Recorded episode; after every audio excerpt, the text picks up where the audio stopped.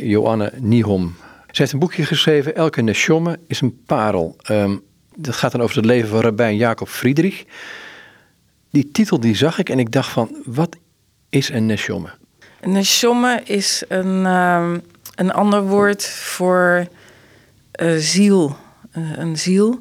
En um, de titel komt van een uitspraak van uh, Raaf Friedrich, waarin um, hij geeft uh, lessen aan, aan uh, studenten over zijn leer.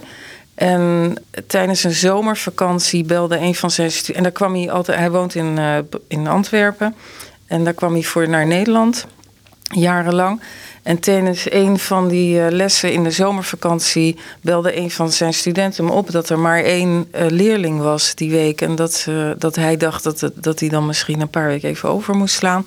En toen zei Raaf Friedrich: Elke Neshomme is een parel. En die is dus voor die man gekomen. En dan heb je het over rit van Antwerpen naar Amsterdam wekelijks. Ja, ja. Um, dit boekje, waarom heb je dit geschreven? Ik ben um, door een oud-leerling van. Ik ben journaliste en ik ben uh, door een oud-leerling of een oud-leer, een leerling van uh, Raaf Friedrich gevraagd twee jaar geleden of ik dat wilde doen. Raaf Friedrich wilde dat, er, dat zijn verhaal werd vastgelegd. En die leerling kende mij. Nou, ik ben een paar keer naar hem, naar hem toe geweest in Antwerpen. We hebben het per Skype en per mail gedaan. Uh, Raaf Friedrich is inmiddels 93, maar hij skypt en mailt uh, als, uh, alsof hij 18 is. En zo, zo zijn we begonnen en is het ontstaan. Hij had zelf ook het een en ander geschreven, dat heb ik bewerkt. Nou is hij heel orthodox en dat ben jij niet. Ik ben niet orthodox in de zin dat ik me strikt aan alles hou, maar ik ben wel ik zeg altijd van top tot teen uh, joods. En er zit iets heel religieus in, al vanaf dat ik heel klein ben. Uh, ik heb er mijn eigen invulling aan gegeven. Ik ga iedere vrijdagavond naar de synagoge waar ik woon. En waar ik woon is niet een religieus uh, dorp. Maar ik vind het belangrijk om, om dat in stand te houden. Om, het, is, het is onderdeel van mijn zijn. En de religie heeft me wel altijd, trekt me wel heel erg. Misschien dat, het, dat het niet aan me te zien is, uiterlijk, dat ik uh, een pruik draag. Of, maar ik eet kosher. Het, het is onlosmakelijk aan me, met me verbonden. Wat is dat, Jood zijn? Dat is een, een mooie vraag. Jood zijn. Ik ben geboren uit Joodse ouders. Ik weet niet beter. En ik heb nog nooit zo'n vraag uh, gehad. Het is behoren bij een uh, bijzonder volk. Het is onderdeel zijn van iets heel bijzonders. God noemt ons het uitverkoren volk. Ik, zo voel ik me niet. Ja, ik heb ooit een keer iemand in Israël tegen me horen zeggen: Ja, ik heb er niet om gevraagd. Nee, maar misschien heb ik er wel om gevraagd. Dat, uh, ik, weet, ik weet niet precies hoe, dat, uh, hoe, hoe het werkt. Uh, hoe het werkt. Ik, ik kan me herinneren dat ik vroeger toen ik veel kleiner was, uh, wel eens heb gezegd: ik wou dat ik Marietje om de hoek was, uh, die geen, uh, niet zoveel met zich meedroeg en een gewoon leven kon leiden. Ik ben opgegroeid in een. Ik ben de tweede generatie. Ik ben opgegroeid met ouders die de, de, de oorlog hebben meegemaakt. Het is, het is altijd onderdeel van je zijn. Maar ik zou echt nooit uh, willen wisselen met iemand anders. Dit ben ik. Van top tot teen ben ik Joods. Ik woon in Israël. Ik heb me nog nooit zo gelukkig gevoeld als sinds ik daar woon. Ondanks alle raketten die over je hoofd heen vliegen. Ja, voel ik me toch heel erg veilig daar. Ik ben nooit bang. Dus wat is Jood zijn? Ja, ik ben, dat ben ik. Ik, ik. ik weet het eigenlijk. Oh, dat vind ik wel een goeie. Ja. Laat, laat het daarbij. hey, Rabbi Friedrich, hè? Um, ja. een apart figuur. Het voorwoord, in het voorwoord schrijf je... U kijkt met uw eigen ogen, u luistert met uw eigen oren. Waarom denkt u met andermans hoofd? Is dat een beetje het uitgangspunt geweest? Ja, dat, dat zei hij tijdens een van de eerste keren. En dat raakte me heel erg diep. Ja, want je bent graag onafhankelijk als journalist en je hoort zelf te denken. Ja, ja. nou, ik ben wel blijven denken. uh, hij, hij heeft gestudeerd voor rabbijn. Hij is niet orthodox geboren. Hij heeft gestudeerd voor rabbijn. En hij wil eigenlijk niet dat mensen hem rabbijn noemen. Omdat hij zegt dat als je uh, iemand rabbijn noemt of als je iemand aanhangt, dan stop je met denken. En hij vindt het heel belangrijk, en daar zullen we zo wel verder op ingaan, dat je, dat je zelf blijft denken en dat je niet iemand klakkeloos volgt. En dat is de basis van zijn uh, zijn. En daar heeft hij ook. Uh, de, hij heeft de, de, de Tweede Wereldoorlog overleefd. En daar, door, deze, door de basis van dit denken. Maar hoe denk je zo zelfstandig dat je niet klakkeloos een andere overneemt? Lijkt me geen sinecure. Zeker niet in een maatschappij waar wij leven, waar je, ja, allerlei signalen uh, op je afkomen. Uh, als ik deze zomer alleen al bekijk, het aantal signalen wat ook vanuit Israël en Gaza kwam. Ja, je wordt er, wordt er ge, bijna door geprogrammeerd, ik zeggen. Ja, je wordt er door meegesleept. Dat had ik zelf ook. Het, het, uh, het omarmen is verkeerd woord. Het, uh, het benauwt. Het, het, is er. Wat je ook opent aan internet of wat je, je doet de televisie aan of de radio. En ik heb heel vaak moeten denken aan, uh, aan wat, wat uh, Raaf Friedrich als, als basis heeft uh, van zijn denken. Om niet meegesleept te worden in die, die sleur van negativiteit en agressiviteit. En dat het heel erg belangrijk is om bij jezelf te blijven en, en jezelf, je, je eigen gevoel te blijven voelen. Maar dat is geen makkelijke. En hij is. Hij heeft de Tweede, Wereldoorlog meegemaakt. En zijn familie en vrienden en alles wees, er, wees erop en werd gezegd: je moet onderduiken, je moet een ster dragen, je moet, je moet meedoen met wat we allemaal doen. En dat heeft hij allemaal geweigerd, omdat hij omdat hij zei: nee, dat, dat is niet hoe, hoe het moet. Ik, ik loop niet mee. En dat heeft hem, uh, daardoor leeft hij nog. Wat lag hier aan ten grondslag? Ik denk dat de grondslag is geweest dat hij um, op een van zijn uh, tochten tijdens het begin van de oorlog is hij terechtgekomen in een soort legerkamp van Duitse mhm. soldaten. En daar werd hij heel vriendelijk uh, ontvangen. Hij, sp hij, spreekt Duits, dus uh, zij, zij vond het prachtig dat er een, uh, een, du een Duits sprekend iemand langskwam. En zij, zijn, um, zij hadden een beetje een, een, drankje op en ze waren een beetje aan het dollen. En hij vroeg, en zij vertelde dat ze zoveel vernielingen hadden aangebracht, want daar waren ze heel trots op. En toen ging er bij hem. En dan ging het over Polen. Ja, en toen ging er bij hem een lichtje op en hij zei, uh, hij dacht dit is de manier om erachter te komen wat er echt gaande is.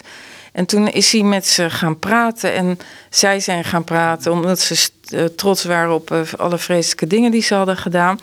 En toen heeft hij dus de meest vreselijke verhalen gehoord hoe ze dorpjes in brand staken en mensen vermoorden. En dat verhaal, daar is hij mee teruggekomen in België, maar dat geloofde niemand. Dat zelfstandige denken, um, als je dat hier aan, aan, koppelt, waar haalt hij zijn inspiratie nou vandaan? Rots vertrouwen in de Almachtige, in God. Ja, maar wat is dat? Want, want dat zouden, hebben anderen waarschijnlijk ook gehad. En die zijn wel meegegaan. Misschien is het een combinatie geweest uh, en nog steeds van uh, zelf blijven denken. Wel, wel een godsvertrouwen hebben, maar op een manier die waar er ook ruimte blijft voor je, je eigen denken. Dus niet blind, want God is overal. Maar ik denk dat, dat uh, geloof in God ook uh, gaat om jezelf. En dat, dat is waar hij zo sterk in is. Dan weet hij dat die show aan de gang is. Het uitmoorden van Joden. Al, het gebeurde al in Polen, dat wist hij. Hoe stond hij tegenover de Shoah? Ik wil, ik wil daar graag een uh, uh, stukje uit voorlezen uit zijn boek, zodat de luisteraars het begrijpen hoe hij denkt. Gods plan. Op de vraag die veel mensen stellen: waar was God tijdens de Tweede Wereldoorlog? heeft een rabbijn ooit het volgende verhaal verteld. Een man die in de wildernis leefde, wordt een operatiezaal binnengebracht en ziet een groep mensen in witte jassen. Ze staan gebogen over een andere patiënt en bewerken diens buik met een mes. De man raakt in paniek. Hij is ervan overtuigd dat het kannibalen zijn. De werkelijke op toedracht, dat het opererende artsen zijn die de patiënt willen redden, kent hij niet. Hij weet immers niets van ziekenhuizen. Op dezelfde manier moeten we naar de Shoah kijken. We kennen Gods plan en zijn ware toedracht niet. In onze wereld zegt wat we zintuigelijk waarnemen niets over de ware en objectieve waarde. Het gebied dat we niet met onze zintuigen kunnen zien, daar bevindt zich de meest belangrijke waarde van de mens. De ziel ziet niemand, want deze is fysiek niet zichtbaar. Zo zien we ook de essentie van de wereld en van de natuurkrachten niet. We zien de schil en niet de vrucht. We weten dat de essentie van de ziel van de mens zijn ziel is. En die verbrandt niet in het crematorium. Dat we de vrucht niet zien is in feite ook een zeker verwijt naar de mens die alleen maar oordeelt naar fysieke en vleeselijke waarden. Je hebt in het boek heel veel citaten van hen opgenomen. Als je dit leest nu voor jezelf uh, en je las het voor de eerste keer, wat, wat, wat dacht je toen? Ik vond het een uh, duidelijke uitleg eigenlijk, omdat we zoveel vragen hebben. Ik denk dat een van de allergrootste vragen die iedere Jood heeft. Nou ja, niet alleen iedere Jood, maar misschien hebben wij het wat meer omdat we er zo direct bij betrokken zijn. Waarom heeft God de, de Shoah toegelaten? Waar, waarom is dat gebeurd? En daar is eigenlijk geen antwoord op. Dus dit, is, dit gaf me wel iets ruimte in mijn hoofd. Later in het boekje zegt hij ook van ja, die Shoah die is eigenlijk helemaal nog niet afgelopen. Nee, en daar heeft hij een aantal, um, een aantal redenen voor dat, dat hij dat zo zegt. Hij, hij ziet de wereld nu als, als, nog steeds als een Shoah. Dat niet alle Joden zich aan alle uh, gebruik, uh, wetten houden. Maar ook uh, dat er veel seks is op de televisie. Veel, het gaat veel, veel negativiteit mensen worden beïnvloed. Er is, ook heel veel oorlog nog steeds. En dat het eigenlijk door is gegaan, de vernietiging van de mensen. Niet alleen, niet alleen lichamelijk dat ze werden vermoord, maar vooral geestelijk. En dat noemt hij ook de Shoah. En daar, daar, dat, dat zie ik ook wel. Dat we, we hebben zo weinig. Het lijkt alsof we er zo weinig van geleerd hebben. Als ik. Uh, op, ik woon nu in Israël, maar ik kan me herinneren dat ik als ik op 4 mei naar dodenherdenking ging en dat ik daar dan een minuut stil stond, uh, of dat het een minuut stil was, dat ik altijd dacht, eigenlijk schaam ik me zo dat naar mijn ouders en mijn grootouders en, en alle familieleden toe, dat ook ik als generatie niet, niet iets heb kunnen verbeteren in de wereld. Dat het eigenlijk nog steeds een grote ellende is. Dat proef ik in zijn in het hele boekje een beetje door dit, wat je nu zegt. Ja. ja. Hoe gaat er Friedrich daarmee om? Friedrich heeft, heeft zijn orthodoxe jodendom daarvoor en zorgt en geeft daar les over en vertelt daarover en draagt het uit op een orthodox-joodse manier. Hoe is dat? Hij, hij leefde orthodox. Ja, wat is een orthodox Jood zijn? Want ik, ik, ben, ik kom uit de heiden hoor, ik zeg maar even. Ja, hij, hij, uh, hij, hij volgt alle uh, geboden en verboden. Hij uh, eet volgens de kashrutwetten. Hij leeft volgens de halacha, volgens de, de, de leer. Hij houdt de, de Shabbat. Al zijn kinderen en kleinkinderen leven overigens ook op die manier.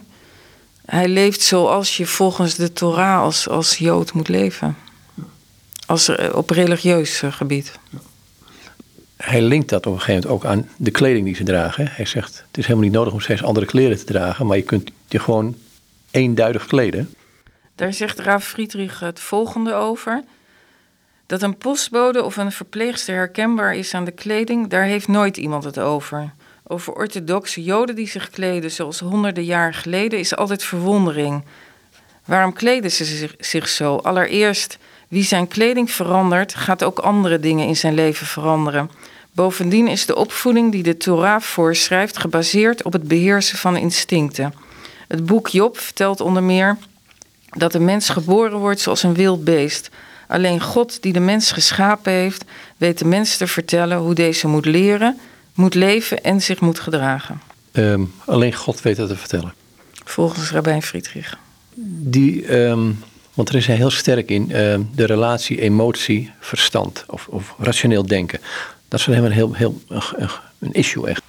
En dat is denk ik bij hem zo sterk geworden door die ervaring die hij die, die gehad heeft in de Tweede Wereldoorlog. Waar hij in God geloofde zonder enige twijfel. En ondertussen zijn eigen verstand bleef gebruiken. Terwijl alles tegen was. We leven nu in een emo-cultuur, heel sterk. Tenminste, ik weet niet of het op retour is al, dacht het, maar goed. Als mensen verliefd worden, dan is dat goed. Dan gaat het daarom. Terwijl hij zegt, jongens, denk even, het rationele plaatje is ook belangrijk. Op wie ben je eigenlijk verliefd geworden? Maar op een gegeven moment zal die verliefdheid overgaan en dan, uh, dan, dan ga je elkaar leren kennen. Ja. maar hij het heel sterk, laat die emotie door de ratio beheren. Ja. Hij zegt dat ook in het boek, dat je, je, kan, je, kan, wel je kan verliefd worden, maar de, word daar niet door, raak daar niet door verblind. Blijf, blijf denken. Ja. Met plezier het boek geschreven? Veel plezier. Het was niet makkelijk, want het is natuurlijk toch een hele andere, een hele andere manier van, uh, uh, van leven. Het was ook mijn eerste boek op, op, uh, op zo'n onderwerp. Ja, er is een heel stuk over het Noachidisch verbond is erbij. Ja. Dat, is, dat, is, dat is toch gewoon theologie is dat? Ja, ja, maar daar heeft hij me wel bij geholpen. Al oh, gelukkig. ja. ja.